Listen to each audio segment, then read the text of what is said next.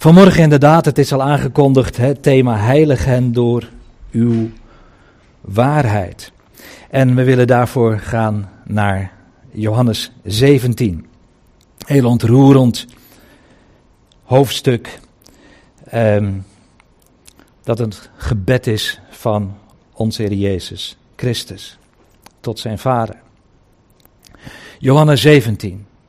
Dit sprak Jezus en hij sloeg zijn ogen op naar de hemel en zei: Vader, het uur is gekomen. Verheerlijk uw zoon, opdat ook uw zoon u verheerlijkt. Zoals u hem macht gegeven hebt over alle vlees, opdat hij eeuwig leven geeft aan allen die u hem gegeven hebt.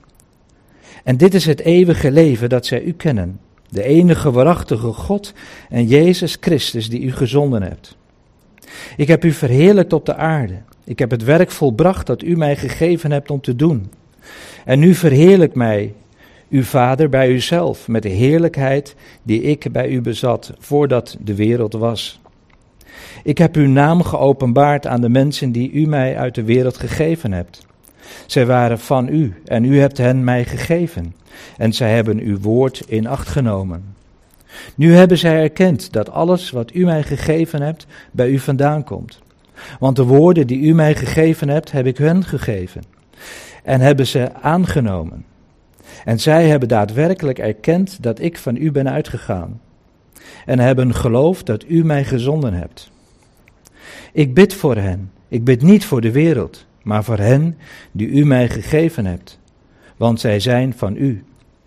En al wat van mij is, is van u. En wat van u is, is van mij. En ik heb ben in hen verheerlijkt. Ik ben niet meer in de wereld, maar deze zijn in de wereld. En ik kom naar u toe, heilige Vader. Bewaar hen die u mij gegeven hebt in uw naam, opdat zij één zullen zijn zoals wij. Toen ik met hen in de wereld was, bewaarde ik hen in uw naam. Hen die u mij gegeven hebt, heb ik bewaard. En niemand uit hen is verloren gegaan dan de zoon van het verderf opdat de schrift vervuld wordt. Maar nu kom ik naar u toe en spreek dit in de wereld, opdat zij ten volle mijn blijdschap in zichzelf hebben. Ik heb hun uw woord gegeven en de wereld heeft hen gehaat, omdat zij niet van de wereld zijn zoals ik niet van de wereld ben. Ik bid niet dat u hen uit de wereld wegneemt, maar dat u hen bewaart voor de boze. Zij zijn niet van de wereld zoals ik niet van de wereld ben. Heilig hen door uw waarheid. Uw woord is de waarheid. Zoals u mij in de wereld gezonden hebt, heb ik ook hen in de wereld gezonden. En ik heilig mijzelf voor hen, opdat ook zij geheiligd zijn in de waarheid. En ik bid niet alleen voor deze, maar ook voor hen die door hun woord in mij zullen geloven, opdat zij allen één zullen zijn, zoals u, Vader, in mij en ik in u dat ook zij in ons één zullen zijn, opdat de wereld zal geloven dat u mij gezonden hebt. En ik heb hun de heerlijkheid gegeven die u mij gegeven hebt, opdat zij één zijn, zoals wij één zijn. Ik in hen en u in mij, opdat zij volmaakt één zijn, en opdat de wereld erkent dat u mij gezonden hebt en hen liefgehad hebt, zoals u mij hebt liefgehad. Vader, ik wil dat waar ik ben ook zij bij mij zijn die u mij gegeven hebt, opdat zij mijn heerlijkheid zien die u mij gegeven hebt, omdat u mij hebt liefgehad voor de grondlegging van de wereld. Rechtvaardige Vader, de wereld heeft u niet gekend, maar ik heb u gekend. En deze hebben erkend dat u mij gezonden hebt. En ik heb hun uw naam bekendgemaakt en zal die bekendmaken, opdat de liefde waarmee u mij hebt liefgehad in hen is en ik in hen.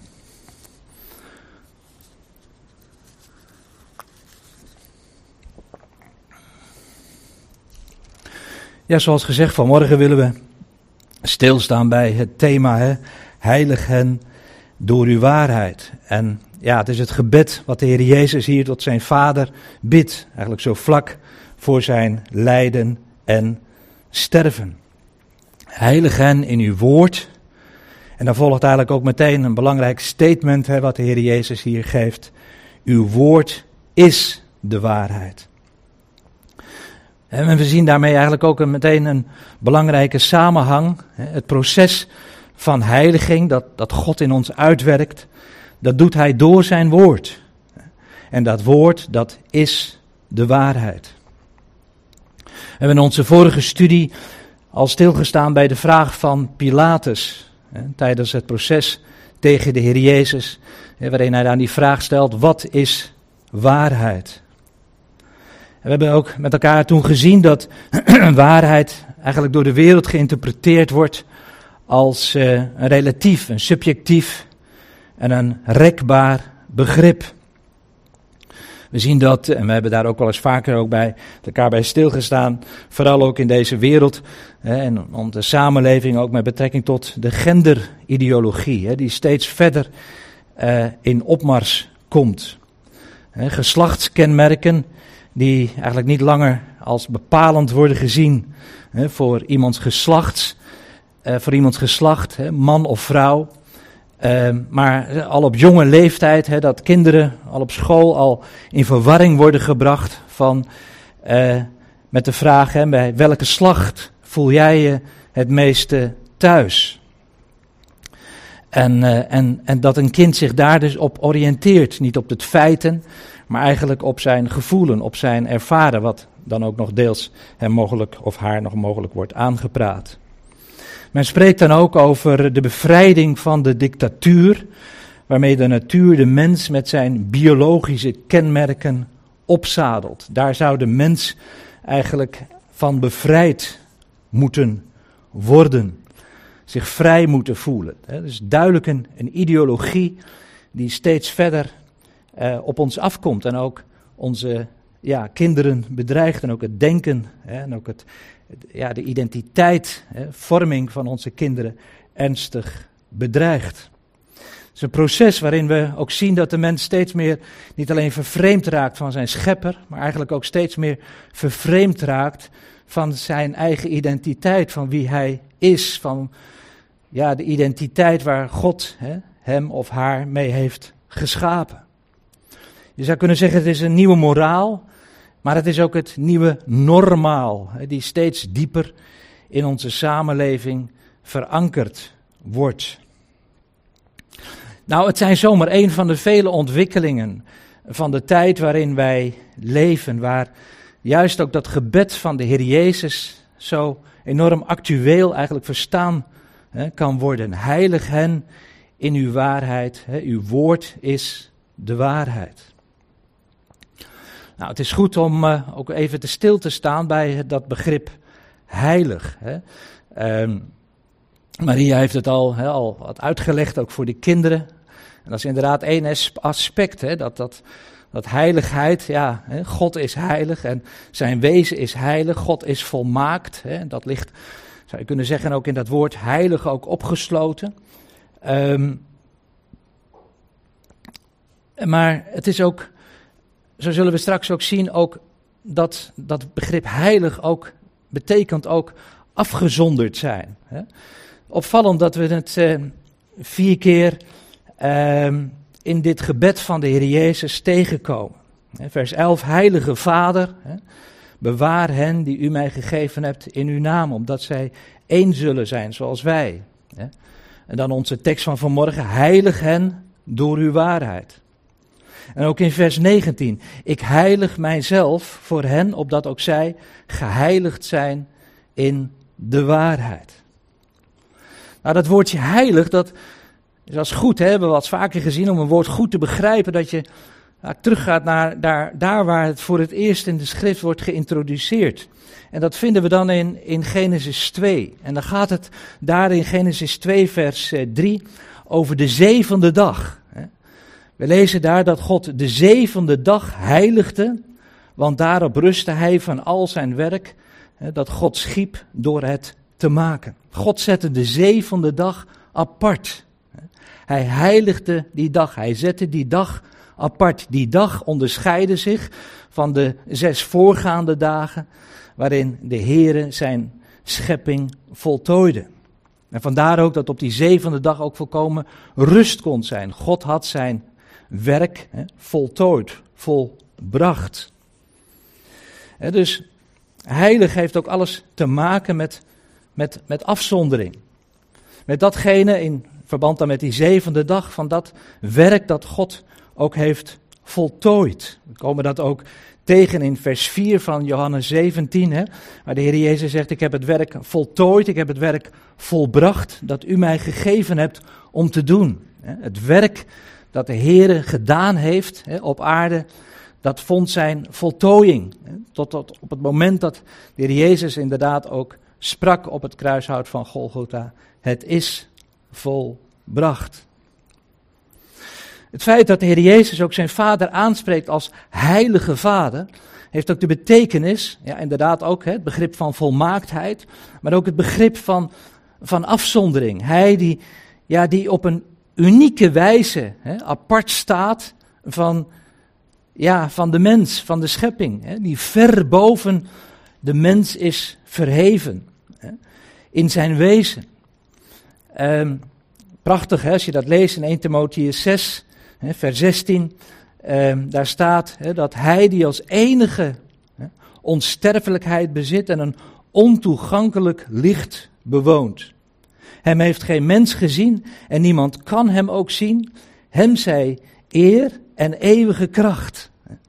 Heilige Vader, hij is inderdaad de enige die onsterfelijkheid bezit en een ontoegankelijk licht bewoont. Ja, en dan is het natuurlijk ook opmerkelijk dat ook lezen dat de Heer Jezus zegt in vers 19: Ik heilig mijzelf voor Hem, opdat ook zij geheiligd uh, zijn in de waarheid. Ik heilig mijzelf, zegt de Heer Jezus, voor hen. En ja, dat klinkt misschien ons toch wat vreemd in de oren, omdat wij ja, toch hè, zouden zeggen, ja, maar, maar de Heer Jezus, Hij is toch heilig? Waarom moest hij zich heiligen voor zijn discipelen? En ook natuurlijk voor, voor ons, hè, degene die door hun getuigenis, lezen we ook in Johannes 17, tot geloof zijn gekomen. Nou, we zien dat daar dus ook weer de Heer Jezus zich afzondert om een specifiek ja, werk tot stand te brengen. Ik heilig mijzelf voor hen. Nou, hoe vond dat plaats? Dat is wel ook wel goed om daar even bij stil te staan. Um, want ja, we lezen hè, in, of uh, de, de, vertalers hebben er boven gezet, Johannes 17, hè, het hoge priesterlijk gebed. Het is wel goed om te bedenken dat, hoewel je dit dan ja, een hoge priesterlijk gebed zou kunnen noemen, de Heer Jezus toen nog geen hoge priester was. De heer Jezus, je kunt dat heel uitdrukkelijk ook uitgelegd vinden in Hebreeën zelf, hij kwam uit de stam van Juda. Hij was inderdaad de koning. Hij kwam uit het koninggeslacht. Hij kwam uit het geslacht van David. Maar hij kon dus geen hoge priester zijn, want de priester die kwam uit het geslacht van Levi. Maar het mooie is, zoals net al gezegd in Hebreeën 7, daar vind je eigenlijk de prachtige verklaring dat de Heer Jezus door zijn dood, door zijn opstanding vervolgens en door zijn hemelvaart, ja, hij een bijzonder koningschap en een bijzonder priesterschap ten deel viel, namelijk hij was priester naar de ordening van Melchizedek. En we weten van Melchizedek dat hij inderdaad zowel koning als priester was van Salem. Een belangrijk thema in de Hebreeënbrief. Nou, het mooie is, ik ben op dit moment bezig in mijn stille tijd met het boek Exodus. En uh, ja, ik ben getroffen eigenlijk in deze week, afgelopen week, in Exodus 28, waar Aaron wordt voorbereid op het hoge priesterschap. En je leest dan dat de Heere dan zegt in uh, Exodus 28, vers 2 tot Mozes, dan moet u voor uw broeder geheiligde kleding maken, om hem waardigheid en aanzien te geven. Daar vind je dus weer dat woord heilig, geheiligde kleding. Kleding die afgezonderd was, die uitsluitend bestemd was voor de hoge priester. En die bestemd was om inderdaad hè, um, Aaron uh, ja, die, die waardigheid en dat aanzien van dat hoge priesterschap te geven. Die aanzien, dat aanzien en die waardigheid, die, die had hij natuurlijk had hij niet van nature. Hij was een mens zoals, zoals alle andere mensen. Maar door die priesterkleding, door die unieke, door die heilige priesterkleding, ja, onderging hij als het ware een, een metamorfose. En, en kreeg hij die, die waardigheid van hoge priester. Opvallend als we ook lezen in Jesaja 53 met betrekking tot de Heer Jezus. Jesaja 53 vers 2, daar lezen we dat hij geen gestalte of glorie had. Dat wij hem zouden aanzien. Uh, er was geen gedaante dat wij hem begeerd zouden hebben. Je zou dat enerzijds kunnen toepassen op, op dat verschrikkelijke lijden en sterven wat de Heer Jezus aan het kruis hè, onderging. En ook ja, de enorme ontluistering die daaraan vooraf ging natuurlijk. Maar ik denk inderdaad ook wel dat je het ook zo kan zien dat de Heer Jezus van zichzelf eigenlijk niet, niet opviel tussen de mensen. Hij had natuurlijk door zijn woord een enorm gezag, hè, dat hij mocht prediken, dat hij mocht spreken, dat woord van God. Maar die heerlijkheid, ja, die, die, die, die werd niet gezien. Hij had van een gedaante dat wij hem niet begeerd zouden hebben, zegt de profeet. En dan komen we in Johannes 17, vers 1 en daar, daar lezen we dan, dit sprak Jezus en hij sloeg zijn ogen op naar de hemel en zei, Vader, het uur is gekomen, verheerlijk uw zoon, opdat ook uw, opdat ook uw zoon verheerlijkt wordt. Uh, opdat ook uw zoon u verheerlijkt. Sorry, ik lees het even verkeerd. Verheerlijk uw zoon, opdat ook uw zoon u verheerlijkt. Ja, en dan is natuurlijk de vraag, hoe werd de Heer Jezus verheerlijkt? Hoe kwam de Heer Jezus tot, tot die verheerlijking? Hoe kwam de Heer Jezus tot die heilige positie hè, van koning der koningen en ja, aan dat hoge priesterschap? Wel, dat was door lijden heen. Ik ken de woorden uit Filippenzen 2, dat hij zich vernederd heeft en dat hij gehoorzaam is tot de dood, ja tot de dood des kruises. Daarom heeft God hem ook bovenmate verhoogd. En ik denk dat we zo dus ook die, die, die woorden ook moeten lezen van de Heer Jezus. Het uur is gekomen, verheerlijk uw zoon. Het is inderdaad door dat lijden van dat kruis heen dat Heer Jezus verheerlijkt werd. Dat hij bovenmate verhoogd werd.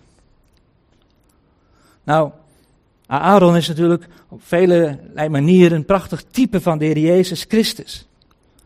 Het mag duidelijk zijn dat Aaron niet, niet door lijden heen en tot die heiligheid van dat hoge priesterschap gekomen is. En dat maakt nou juist ook weer het hoge priesterschap van de Heer Jezus zo uniek. Dat hij dus inderdaad door dat lijden, door, die, door dat sterven, door zijn opstanding, door zijn hemelvaart, ook op een, ja, in een heilig, in een uniek priesterschap hè, heeft ontvangen. Uniek als we denken ook hoe dat hè, beschreven wordt in Hebreeën 4, hè, waar de apostel zegt, want wij hebben geen hoge priester die geen medelijden kan hebben met onze zwakheden. Dat was inderdaad hè, met, die, met die hoge priester onder het oude verbond. Maar die kon geen medelijden hebben met die zwakheden. Die had al genoeg aan zijn eigen zwakheden. Maar, zegt de apostel, maar één, hè, die in alles op dezelfde wijze als wij is verzocht, maar zonder zonde. En daar zien we weer dat heilig, ik heilig mijzelf voor hen. Hij was uniek. Hij kon, ja niet alleen waar we straks verder op zullen doorgaan, zijn, zijn discipelen en, en de gelovigen hè, heiligen, maar hij kon ook met hen medevoelen. Hij kon ook met hen medelijden. Er is geen lijden zo diep of de Heere kan ons daarin tegemoet komen. Ja, en dan is er nog iets unieks in, ja, in, in dat heiliging van de Heer Jezus. Aaron werd geheiligd hè, om als priester dienst te kunnen doen door allerlei rituelen.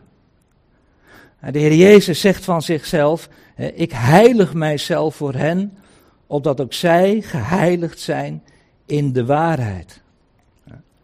Hij heiligde zichzelf. Hij zette zich heel bewust apart hè, om door zijn dood en opstanding als onze hemelse hoge priester in al onze geestelijke behoeften te kunnen voorzien. Prachtig hoe, hoe de Heere, en natuurlijk boven alles ja, gefocust was op de verheerlijking van zijn vader. Maar tegelijkertijd ook dat hij gefocust was op, op ons als, als gelovigen, als kinderen van God. Om ons te kunnen heiligen, om ons alles te geven wat wij ook nodig hebben ter, als toerusting voor het leven zoals de Heer dat van ons wil. Inderdaad, een geheiligd leven. Prachtig ook als je daar ook bij leest, Hebreeën 7, vers 25 en 26, waar we lezen, daarom kan hij ook volkomen zalig maken wie door hem tot God gaan, omdat hij altijd leeft om voor hen te pleiten. Jezus, hij leeft altijd om voor hen te pleiten. Ook bijzonder. Want staat er dan, zo'n hoge priester hadden wij ook nodig. Heilig, en daar heb je weer het woord heilig. Afgezonderd, heilig. Onschuldig. Onbesmet. Afgescheiden van de zondaars. Daar heb je weer het begrip heilig. Afgezonderd, afgescheiden van de zondaars en boven de hemelen verheven. En het is prachtig eigenlijk dat vanuit die positie de Heer Jezus dat werk van, van dat, dat heiligingsproces in ons als gelovigen uitwerkt. Dan is er nog iets heel bijzonders waar ik denk ook dat het goed is om bij stil te staan. In Hebreeën 10, vers 14, daar lezen wij, want met één offer heeft hij hen die geheiligd worden in eeuwigheid volmaakt. Nou, Maria heeft dat eigenlijk al, al laten zien. Hè? We zijn inderdaad volmaakt in de Heer Jezus Christus.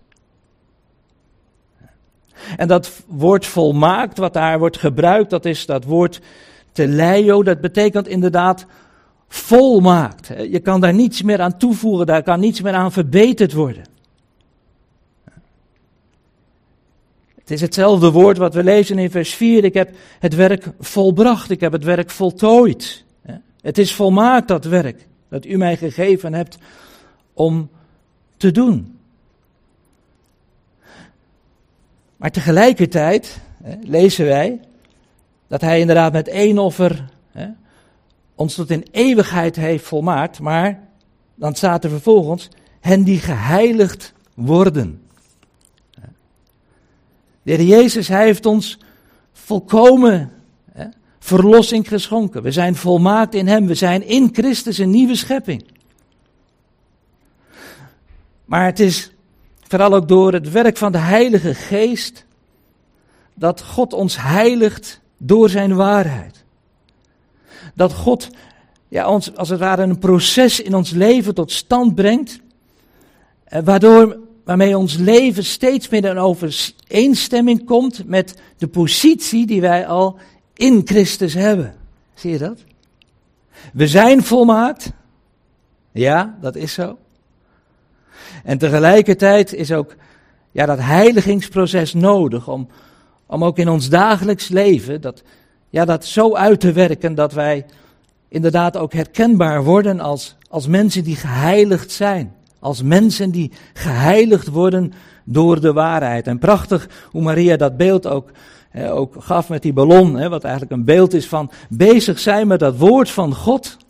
Daar je gedachten door te laten vullen. En, en dan is het de Heilige Geest die dat werk, die dat woord, die waarheid van dat woord ook steeds verder in je leven wil uitwerken. In je doen en laten. In je keuzes die je maakt. In het beeld wat je hebt van, ja, van God. In het beeld wat je hebt van jezelf. In het beeld wat je hebt van de gemeente. In het beeld wat je hebt van, ja, van de schepping. En ook van de gevallen schepping. De wereld om ons heen. Want dat is natuurlijk ook wat alles te maken heeft met dat heiligingsproces. De Heer die door dat heiligingsproces ons ook wil afzonderen van de wereld en van het denken van de wereld. Lees maar in vers 14 en 15, waar de Heer Jezus dan zegt, ik heb hun uw woord gegeven. En de wereld heeft hen gehaat. Je ziet eigenlijk meteen op het moment dat, ja, dat die discipelen tot geloof kwamen, en ook wij natuurlijk, hè, dat ook ervaren, dat er een, een, een wrijving gaat ontstaan met, met de wereld om ons heen. Die wereld heeft ons gehaat. En waarom? Wel, omdat zij niet van de wereld zijn. Zij zijn heilig, zij zijn afgezonderd. Zij horen niet langer meer en wij horen niet langer meer tot die wereld. Zoals, zegt de Heer Jezus, ook ik niet van de wereld ben. En dan vers 15, hè, het volgende vers, ik bid niet dat u hen uit de wereld wegneemt, maar dat u hen bewaart voor de boze. En dan weer opnieuw, vers 16, zij zijn niet van de wereld, zoals ik niet van de wereld ben. Zie je de nadruk die de Heer hier legt op dat heiligingsproces, op dat als gelovigen dat we afgezonderd zijn van deze wereld, van het denken van deze wereld, van het doen en het laten van deze wereld. En dan tot slot ja, komen natuurlijk ook het woord eenheid in Johannes 17 veelvuldig tegen. Vijf keer in totaal. In vers 11, vers 21, 22 en 23. Eenheid, als je dat leest in die context en lees het voor jezelf nog maar eens door, heeft eigenlijk ook te maken met dat heiligingsproces. De Heere zegt in vers 11, Heilige Vader, bewaar hen die u mij gegeven hebt in uw naam, opdat zij één zullen zijn zoals wij één zijn. Vaak wordt gezegd dat Johannes 17 eigenlijk het gebed is van de, Heer Jezus om eenheid. En dan zie je dat, ja, dat dat vaak toch op een manier wordt verstaan zoals God dat hier eigenlijk niet aan ons bekend maakt. Zoals dat binnen de ecumene, ecumenische beweging eigenlijk wordt, wordt geïnterpreteerd. Dat alle kerken dan maar, dan maar één zouden moeten zijn. Nee, je ziet dat die eenheid, die hier tot vijf keer toe door de Heer Jezus wordt genoemd, een, ja, een gevolg is van dat heiligingsproces. Van dat heiligingsproces in de waarheid.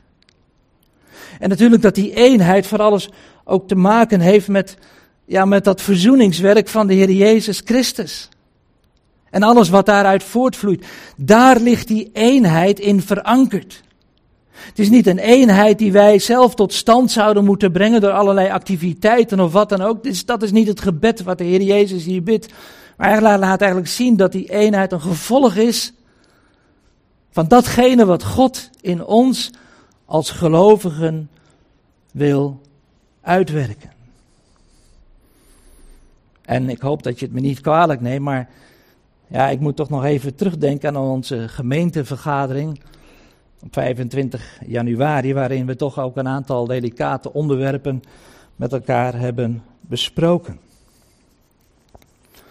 Er waren soms ook best wel even wat moeilijke momenten. En het bleek ook wel dat, eh, ja, dat, dat soms, eh, ja, de een wat meer in die richting keek en de ander wat meer in de andere richting. Soms wat verschillende visies waren. En dan, uh, ja, dan vind je dat verdrietig, dan vind je dat best ook wel een beetje moeilijk. Ja, zo hebben we dat denk ik ook wel een beetje ervaren met elkaar. En toch denk ik dat als het gaat hier om de eenheid als gevolg van, ja, van, van, van het heiligingswerk, wat de Heer in ons leven wil uitwerken, dat we dat toch, ja, toch, toch, toch, toch moeten onderscheiden van, van de eenheid die wij soms als mensen zoeken, maar soms ook niet kunnen vinden. Waar, waar soms toch ook andere visies dan ook, hè, als het gaat om, om keuzes en dingen, ook met betrekking tot, ja, tot de coronapandemie, dat we daar soms ja, toch hè, een andere accenten of andere keuzes maken. Maar weet je, ik, ik denk dat het zo belangrijk is dat we met elkaar zien dat eenheid vooral een eenheid is. Ja, er staat in, Johannes, in vers 21 die de wereld tot geloof moet brengen.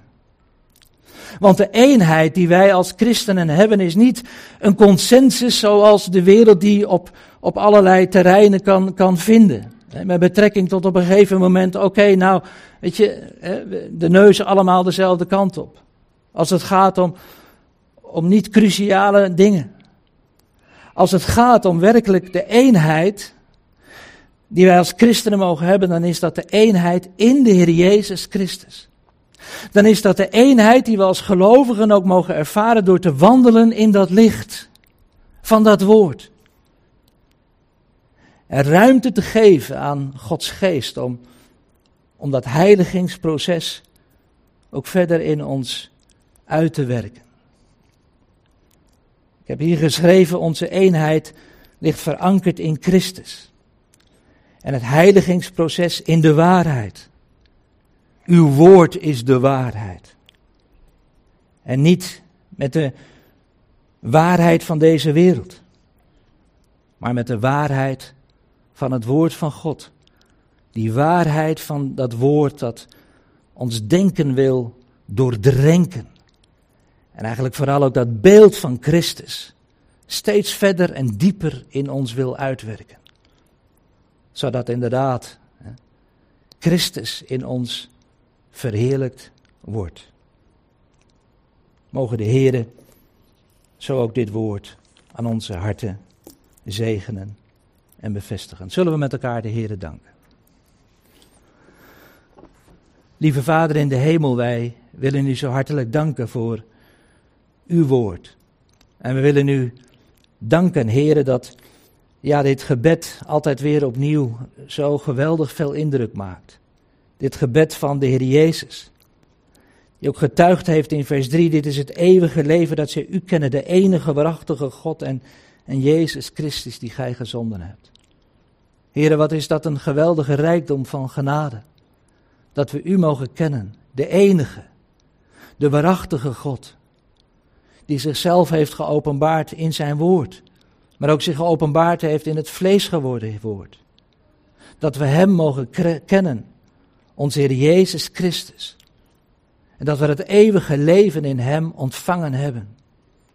En zo willen we ons ook als, als gemeente ook aan u opdragen. Zeker ook, heren, als we met elkaar ook ja, die eenheid ook tot uitdrukking brengen in, in het avondmaal wat we zo met elkaar gaan vieren. Heren, dat onze ogen vooral daarbij gericht mogen zijn op u en op uw Zoon, de Heer Jezus Christus, die het voor ons heeft volbracht die ons tot in eeuwigheid heeft volmaakt, maar tegelijkertijd ook bezig is om dat heiligingsproces in ons persoonlijk leven, maar ook in ons als gemeente ook uit te werken. Heren, dat dat mag zijn tot eer en verheerlijking van uw nooit volprezen naam. Wij vragen u dat uit genade en om Jezus wil. Amen.